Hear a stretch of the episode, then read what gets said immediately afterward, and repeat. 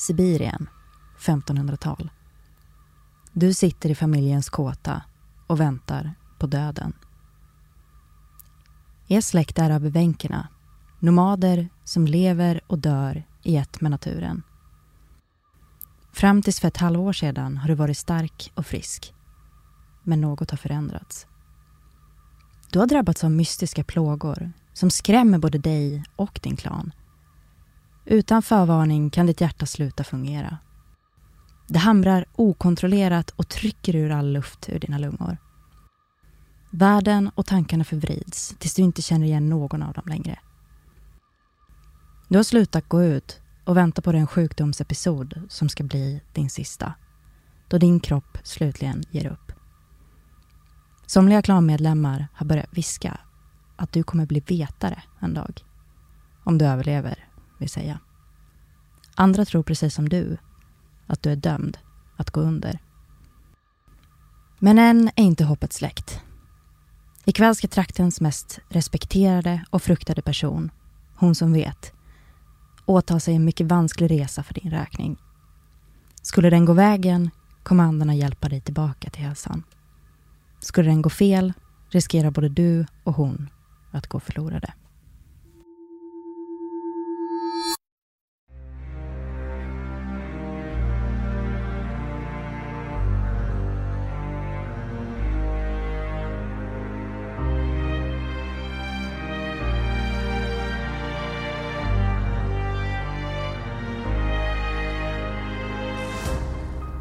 Du lyssnar på Sinnets historia med mig, Michelle Jerko.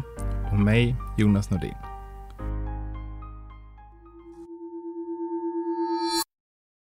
Mm. Ritualen ska strax börja, men eh, innan dess så ska vi hälsa dig välkommen tillbaka till Sinnets historia. Jag heter Michelle som sagt. Och jag heter Jonas. Och vi är ju alltså två historieintresserade PTP-psykologer som eh, ja, är sugna på att fördjupa oss i lite exorcistmanualer i original, mm, läsa om shamaner och prata om det. Och vad är det vi ska prata om idag egentligen, Michelle? Ja, jag eh, tänkte att vi skulle snacka om olika typer av ritualer som har använts och ja, fortfarande används idag för att bota olika typer av psykiska sjukdomar. Ja, precis. vi ska ju prata lite om ja, men hur de här ritualerna liknar varann genom historien, men också hur de skiljer sig åt. Och kanske även så här moderna ritualer kopplade till, till psykologisk behandling. Yes. Eh, och för att göra det så ska vi ta oss iväg på en liten resa i tid och rum här med start i Sibirien. Men eh, du, innan vi gör det så tänkte jag på att eh, hjälten i storyn här lider av några jobbiga symptom. Vill du berätta lite vad det kan tänkas handla om, Jonas? Ja, men precis. Vi tänker att vi följer den här personen genom tiden och att det är en person som eh, får panikattacker. Och så, ja, då funderar vi lite om hur det här hade kunnat bli vid olika tidpunkter. Mm, precis. För att uh, olika kulturer har haft lite olika uppfattning kring vad det här beror på. Uh, och jag tycker att vi ska ta och kicka igång det här nu och kika på hur evänkerna tacklar uppgiften. Ja, och vilka är de här evänkerna nu igen? Uh, ja, det är människor som levde bland annat i Sibirien och i Kina och fortfarande lever där. Det är ursprungsbefolkning. Då ska vi alltså få höra hur det skulle kunna vara om man hade såna här panikattacker då, då man levde i ett sådant samhälle. Yes, let's go.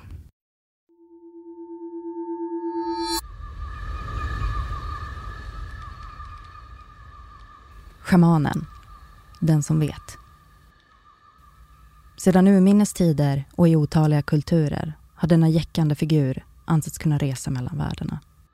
Och nu vandrar du med tunga steg mot en glänta i själva shamanismens vagga där en av dessa gåtfulla vise står och väntar på dig. Det är kväll och du har lyckats trotsa dina rädslor och vandrat utanför kåtan. I sällskap av din familj går du mot mötesplatsen där shamanen bett er närvara. Natten är kompakt omkring er, men en kaskad av stjärnor fyller himlen och kastar ett svagt sken över stigen framför. Schamanen, klädd i sin ceremoniella dräkt, hälsar dig välkommen. Därefter ber hon dig lägga dig ner och manar till lugn. Sen tar sången sin början. Skinntrummans rytm vaggar er. De monotona, märkliga slagen tycks dra sinnena fjärran från den plats ni befinner er på. Schamanen ber en bön om att klanens andar och hennes egna hjälpare ska skydda henne under resan som väntar. Det är dags att bege sig ner i den undre världen där de ska hitta den bit av din själ som har gått förlorad.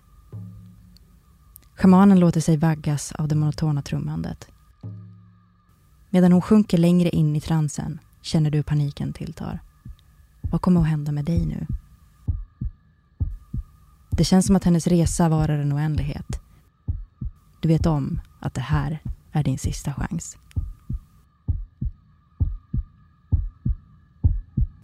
Plötsligt avtar trummandet och schamanen slår upp ögonen. Hon avslutar resan, lägger ner trumman. Sen vänder hon sig till dig. Din själ är återställd.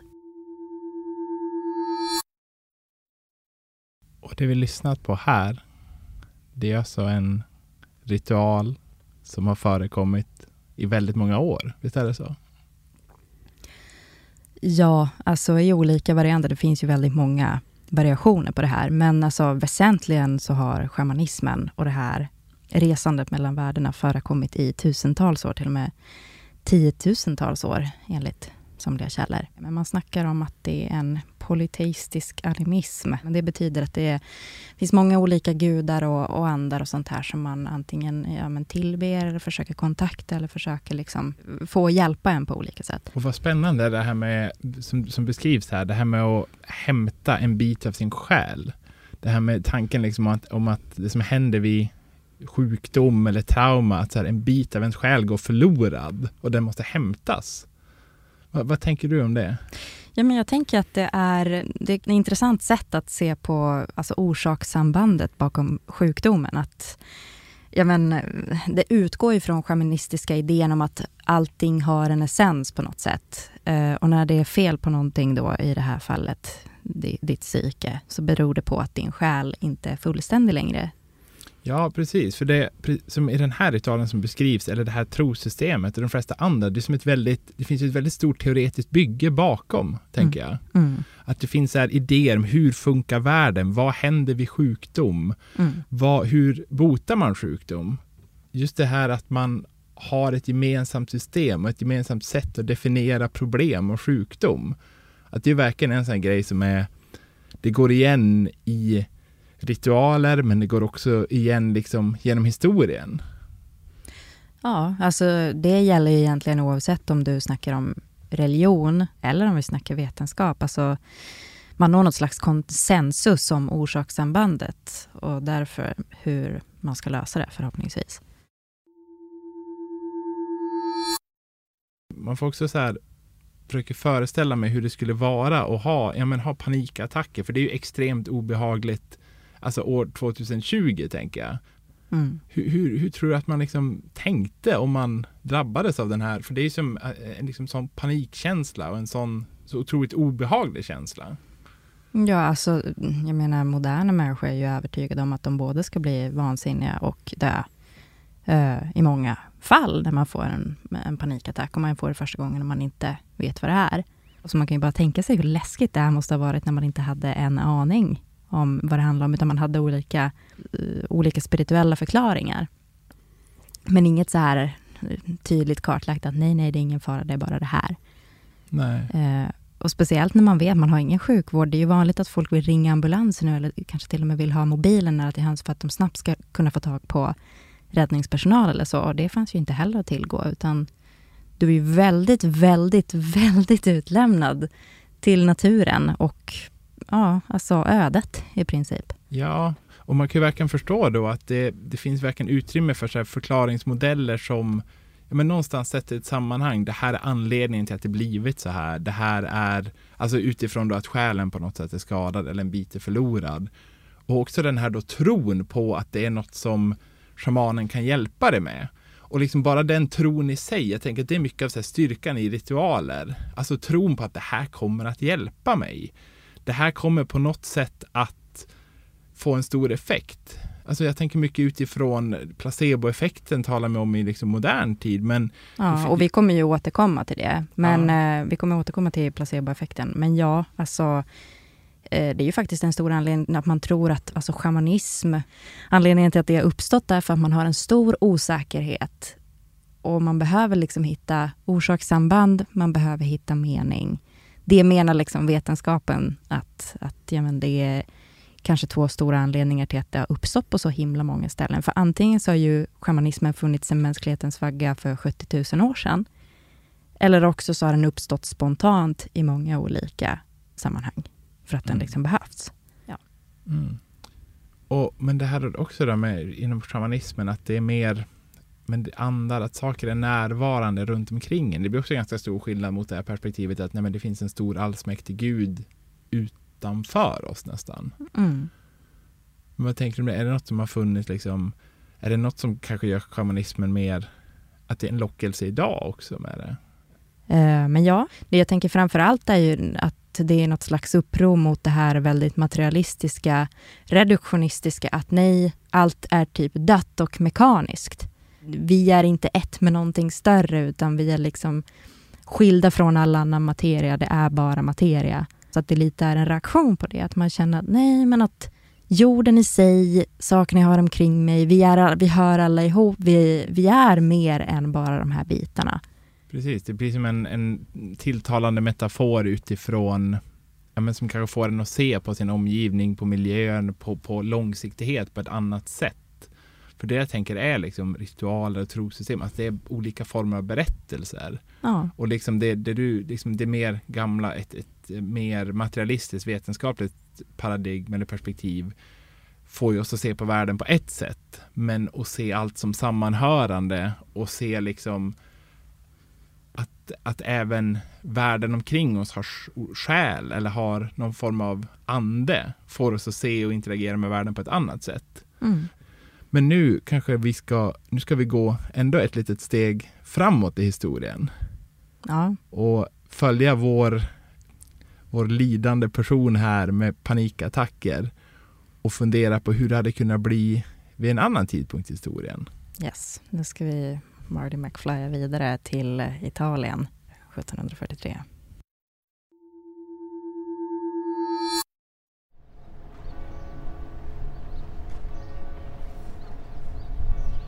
Italien. Nådens år 1743. Den senaste tiden har medlemmarna i din församling blivit allt mer rädda för dig. När din attack kommer blir du aggressiv, förvirrad och konstig. Du vet inte vad du ska säga till ditt försvar. Orden räcker inte till. Du rids av en plåga som du inte kan styra. Snart kommer du tappa kontrollen. Du vet bara inte när. Människorna omkring dig känns långt borta.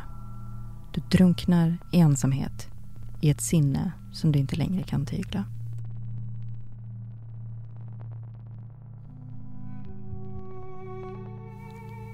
Först pratade man om att det var något åt hjärtat. Men sen började viskningarna om vansinne tillta. Ni visste alla vad det betydde. Djävulen och hans demoner hade lyckats komma åt dig. Ju mer dina attacker tilltog, desto mer ogenerat talade man om förbund med djävulen. Först slog du tanken ifrån dig, men de ihärdiga viskningarna lämnade dig inte i fred. Så småningom insåg du att du inte var fullständigt ensam i ditt mörker. Med dig hade du ren ondska. En dag kommer prästen hem till er. Med sig har han en okänd man. Prästen berättar att mannen är exorcist och att han har kommit för att hjälpa dig. Du ligger till sängs, förlamad av det fruktansvärda som plågar ditt sinne.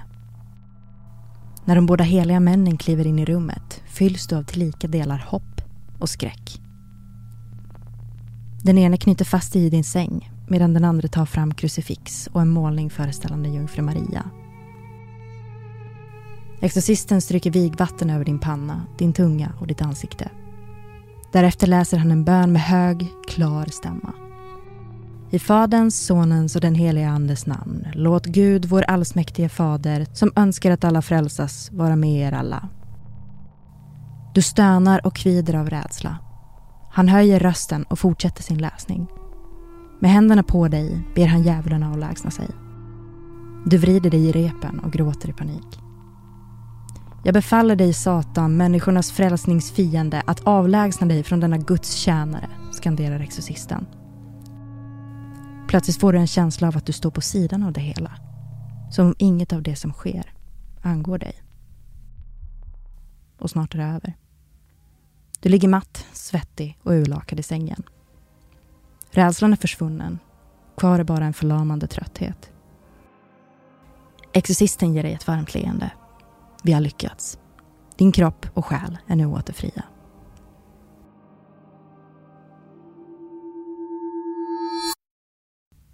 Ja, det var, det var banne mig dramatiskt. Ja, det är A och O att inte fuska med bikten efter. Ja, verkligen. Eh, men det vi nu lyssnade på, det var ju alltså en beskrivning av en exorcism. Och det här var då utifrån katolska läran. Ja, just det här är utifrån katolsk tro.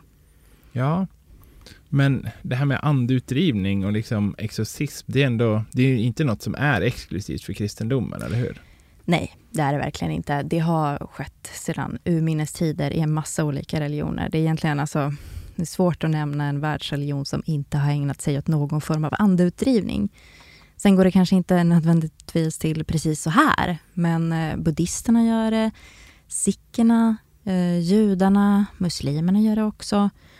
Eller har gjort genom historien. Nu vet jag inte om de alla fortfarande gör, men det, det har liksom skett. Hinduerna, de har en, en guide från bayerska benedikterna redan från medeltiden. Där, ja, de har skrivit ner så väldigt handfast och konkret hur driva ut demoner. Vad är retro satana, vik hädan satan, heter den här skriften. Så en slags tidig behandlingsmanual? Ja, eller exakt. Och det är på tal om eh, behandlingsmanual så är det faktiskt så att eh, fortfarande från 1999 så har katolska kyrkan just en sån typ av guide som heter Of Exorcisms and Certain Supplications. Den innehåller ju liksom olika typer av salmer och, och passager ur Bibeln, OSV, OSV-böner och så. Men den berättar framför allt hur du liksom ska diagnostisera en eh, possession. Du ska inte försöka liksom driva ut en ande om det visar sig att det är någon som har psykisk sjukdom. Och samtidigt ska du inte bara tro på att folk har en psykisk sjukdom heller, utan du, du ska allvarligt överväga om det är någon som är besatt. Vad spännande, för där har man ju verkligen extrema likheter med själva processen vid, vid liksom medicinsk eller psykologisk behandling och sjukdom. Eller hur? Det är ju lite så här väldigt nära en, en neuropsykiatrisk screening. Liksom. Men, men, var det här något man pysslar med på medeltiden också eller? Det vet eller jag vet, inte. Vet Nej, för det? jag har inte läst vad är retrosatana i, i detalj, tyvärr. Vi Nej. får väl återkomma till det, det som kan... kvällsläsning sen. Men... Men det kanske är något som har blivit viktigare nu då i modern tid. Alltså jag är lite chockad över att man ens fortfarande ägnar sig åt det. Men då har ja. det blivit viktigare liksom att avgränsa vad, när är det liksom vanlig depression och när är det faktiskt Belsebub som har liksom flyttat in bakom pannloben? Jajamän. Uh, det är så att uh, sista, alltså, sista gången de uppdaterade den här manualen var 1999 och innan det så var det på 1600-talet. Så de, det, det går ett tag mellan deras utgåvor. Men eh, det var då inför den här 99-versionen då som man la till det här om psykisk ohälsa, att man inte ska sjabbla och råka blanda ihop Belsebub och ångest. Typ. Just det. Men 300 år, det är ju, man tänker ju ändå att DSM brukar vara lite sega mellan varven, men mm, det här var ju ändå... Snäppet värre. Ta i. Katoliken. Ja, nej men eh, så ser det ut. Man får liksom diagnoskriterierna också. Så här.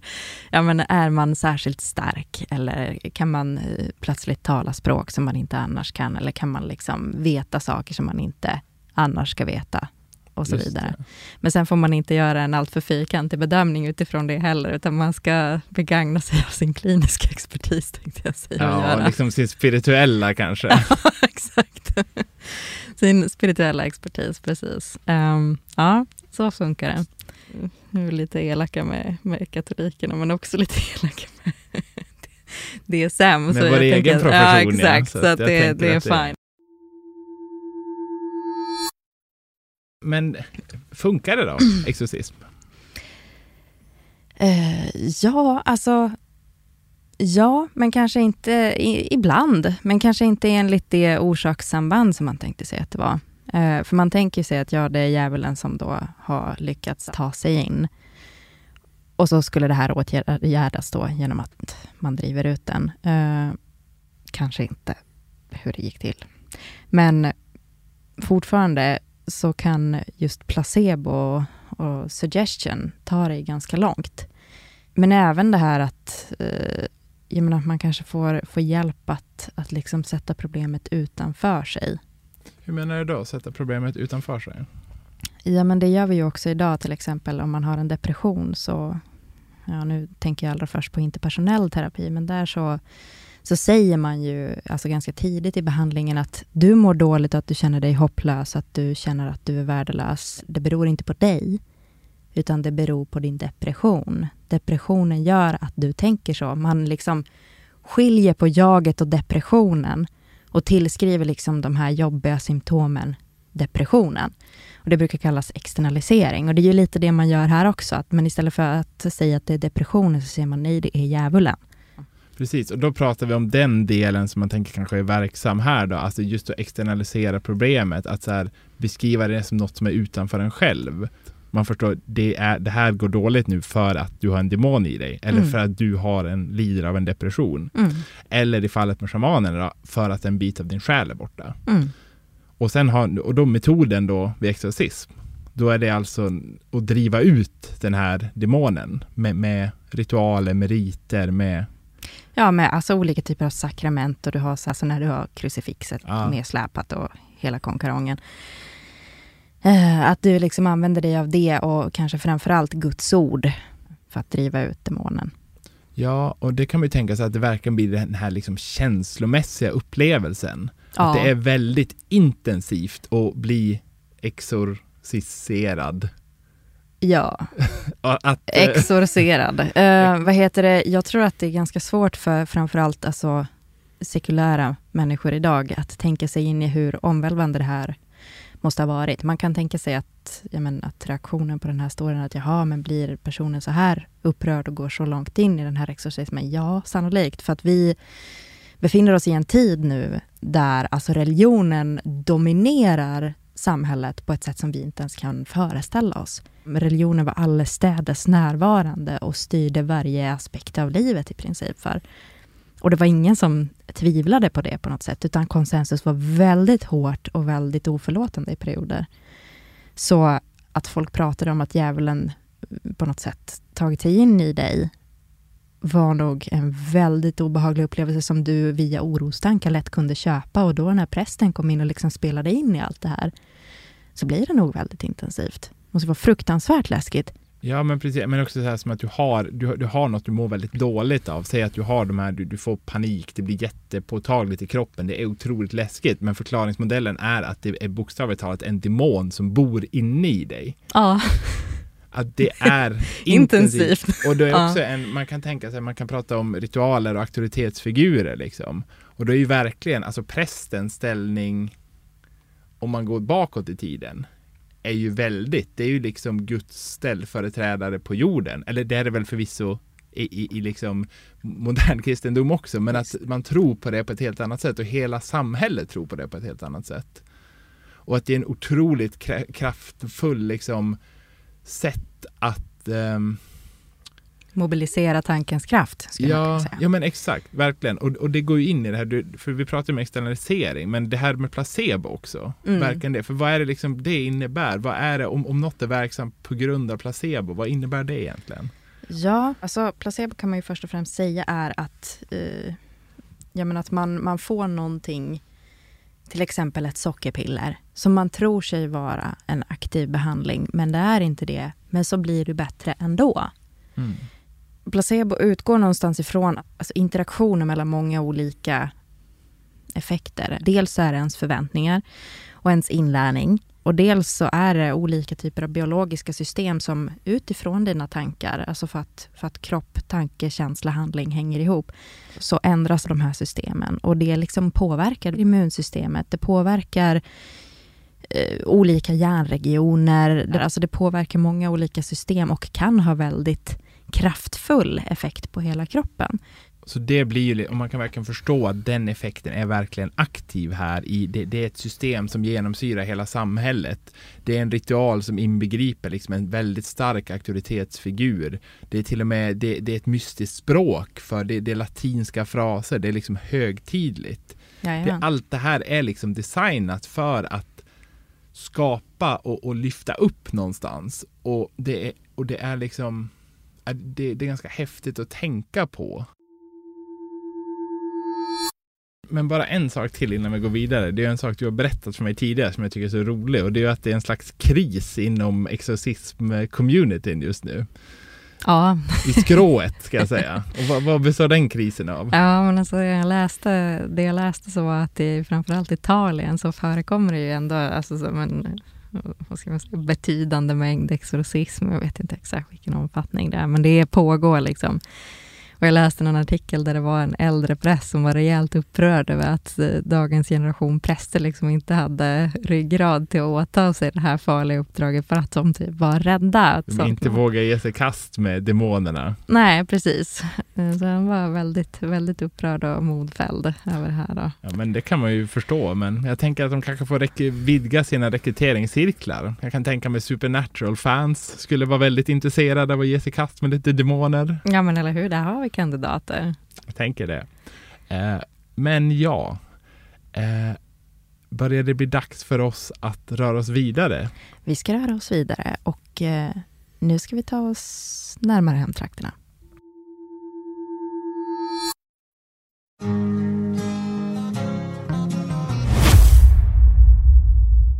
Sverige, år 2022. Din hjärtklappning och dödsskräck plågar dig ständigt. När du inte är mitt uppe i en känsla av fasa och overklighet är du rädd för att den när som helst ska komma. En dag får din familj nog och ni beslutar er för att boka tid till vårdcentralen.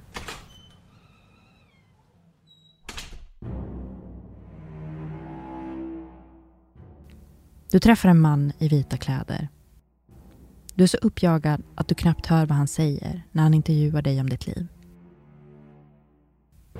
Han frågar om din familj, ditt psykiska mående, om när problemen började.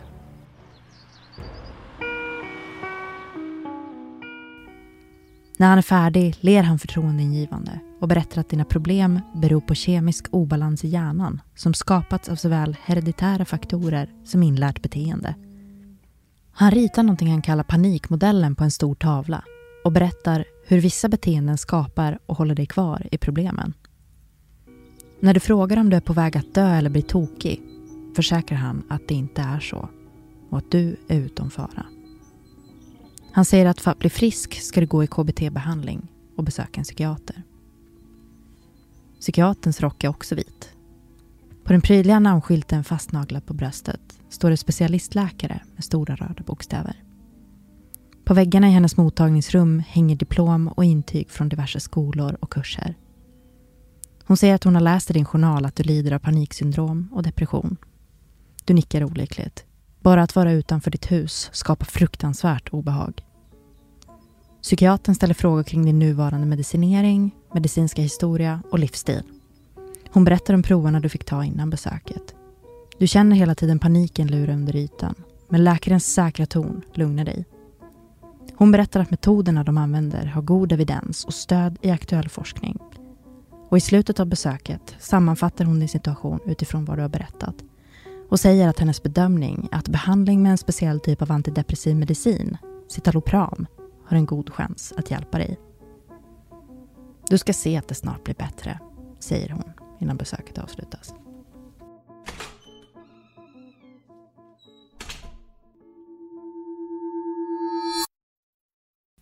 Ja, nu var vi lite mer på hemmaplan så att säga.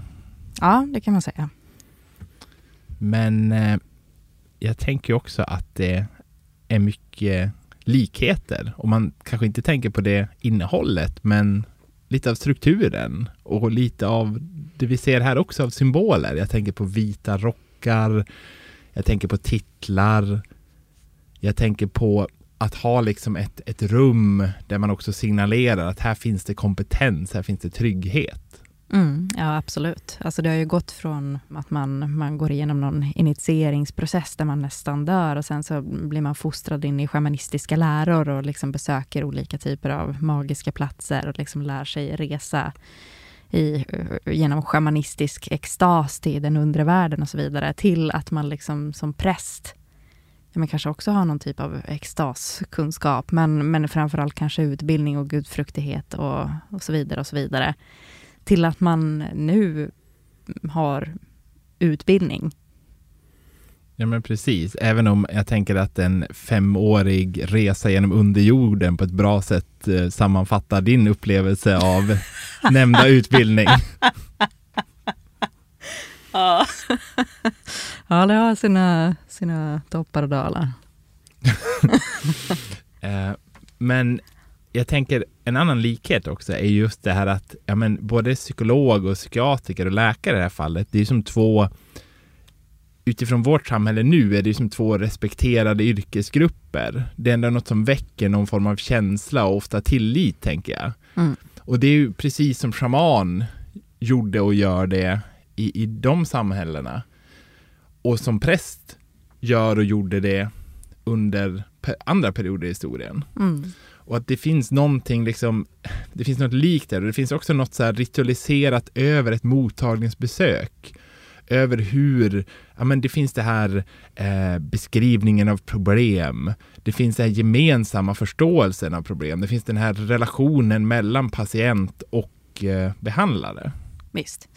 Eh, och det, det funkar ju lite som en typ av ritual. Och det, alltså, eh, framförallt så behöver man tre saker för att alltså en, en placebo ska kunna eh, uppstå. Det man behöver är liksom en upplevelse av vänskaplighet. Eh, man behöver en upplevelse av att behandlaren har empati. Eh, man behöver en, en liksom upplevelse av att behandlaren har kompetens. Och åtminstone kompetensen kan ju bli ganska allvarligt, eh, alltså tron om kompetens kan bli ganska allvarligt skadad om du har fel utstyrsel, du använder dig av fel ord, om du använder dig av en typ av språk som inte liksom kopplas samman med de här typen, eh, typen av befattningar så kan det bli problem. Så den här ritualen blir åtminstone från ur den aspekten ganska viktig för, för att det där ska byggas upp. Ja, exakt. Det, och det är väldigt intressant liksom utifrån, både utifrån att den här alliansen eller liksom relationen påverkar, men också utifrån vad som skapar förutsättningar för en placeboeffekt som inte är liksom att det är inget att underskatta. Det är något som allt som någonstans hjälper någon framåt är ju det är ju bra och positivt. Ja, och alltså jag tror att alltså problemet med placebo idag är framförallt de associationer vi har till placebo. För man kan ju egentligen säga att alltså placebo är ett sätt att trigga igång kroppens egna eh, mekanismer för att hjälpa sig själv. Ja. Alltså vill man maximera en behandlingseffekt så vill man ju både använda sig av det som är liksom konstaterat viktigt och, eh, och det som är kroppens egna typ tro på att det ska funka. Båda delarna är viktiga helt enkelt för att maximera en behandling. Man vill inte ta bort placeboeffekten för att man tycker det är fel, för att då får man ju ett sämre behandlingsresultat. Vi har inte, inte pratat så mycket om, vi har varit inne på det, men det finns ju en, en inriktning, eller det finns forskningsinriktning inom psykologin som fokuserar mycket på så här, vad är gemensamt mellan olika typer av terapi. Mm. För att man, man ser att mycket, många olika former av terapi funkar ungefär lika bra. Och då tänker man att det finns gemensamma faktorer som bidrar till det här. Och det är bland annat det här vi pratade om lite tidigare, allians, alltså att det finns gemensam... Vi kanske liksom... inte ska kalla det allians, alltså den, den terapeutiska relationen. Ja, men det, allians är så här lingo, men, men ja, alltså det är ju som du säger. Relationen. Ja, att, att kvaliteten på relationen och liksom tillförlitligheten och, mm. och så. Alltså, det, så är det, det, är en del, och empatin och förståelsen är en del. Mm. Att någon lyssnar, att någon känner med. Liksom. Mm. Men sen även det här vi var inne på utifrån ritualer, alltså ett eh, gemensamt mål. Mm. Att man är överens om det. Mm. Det är en sån här gemensam faktor. Mm. Eh, samarbete.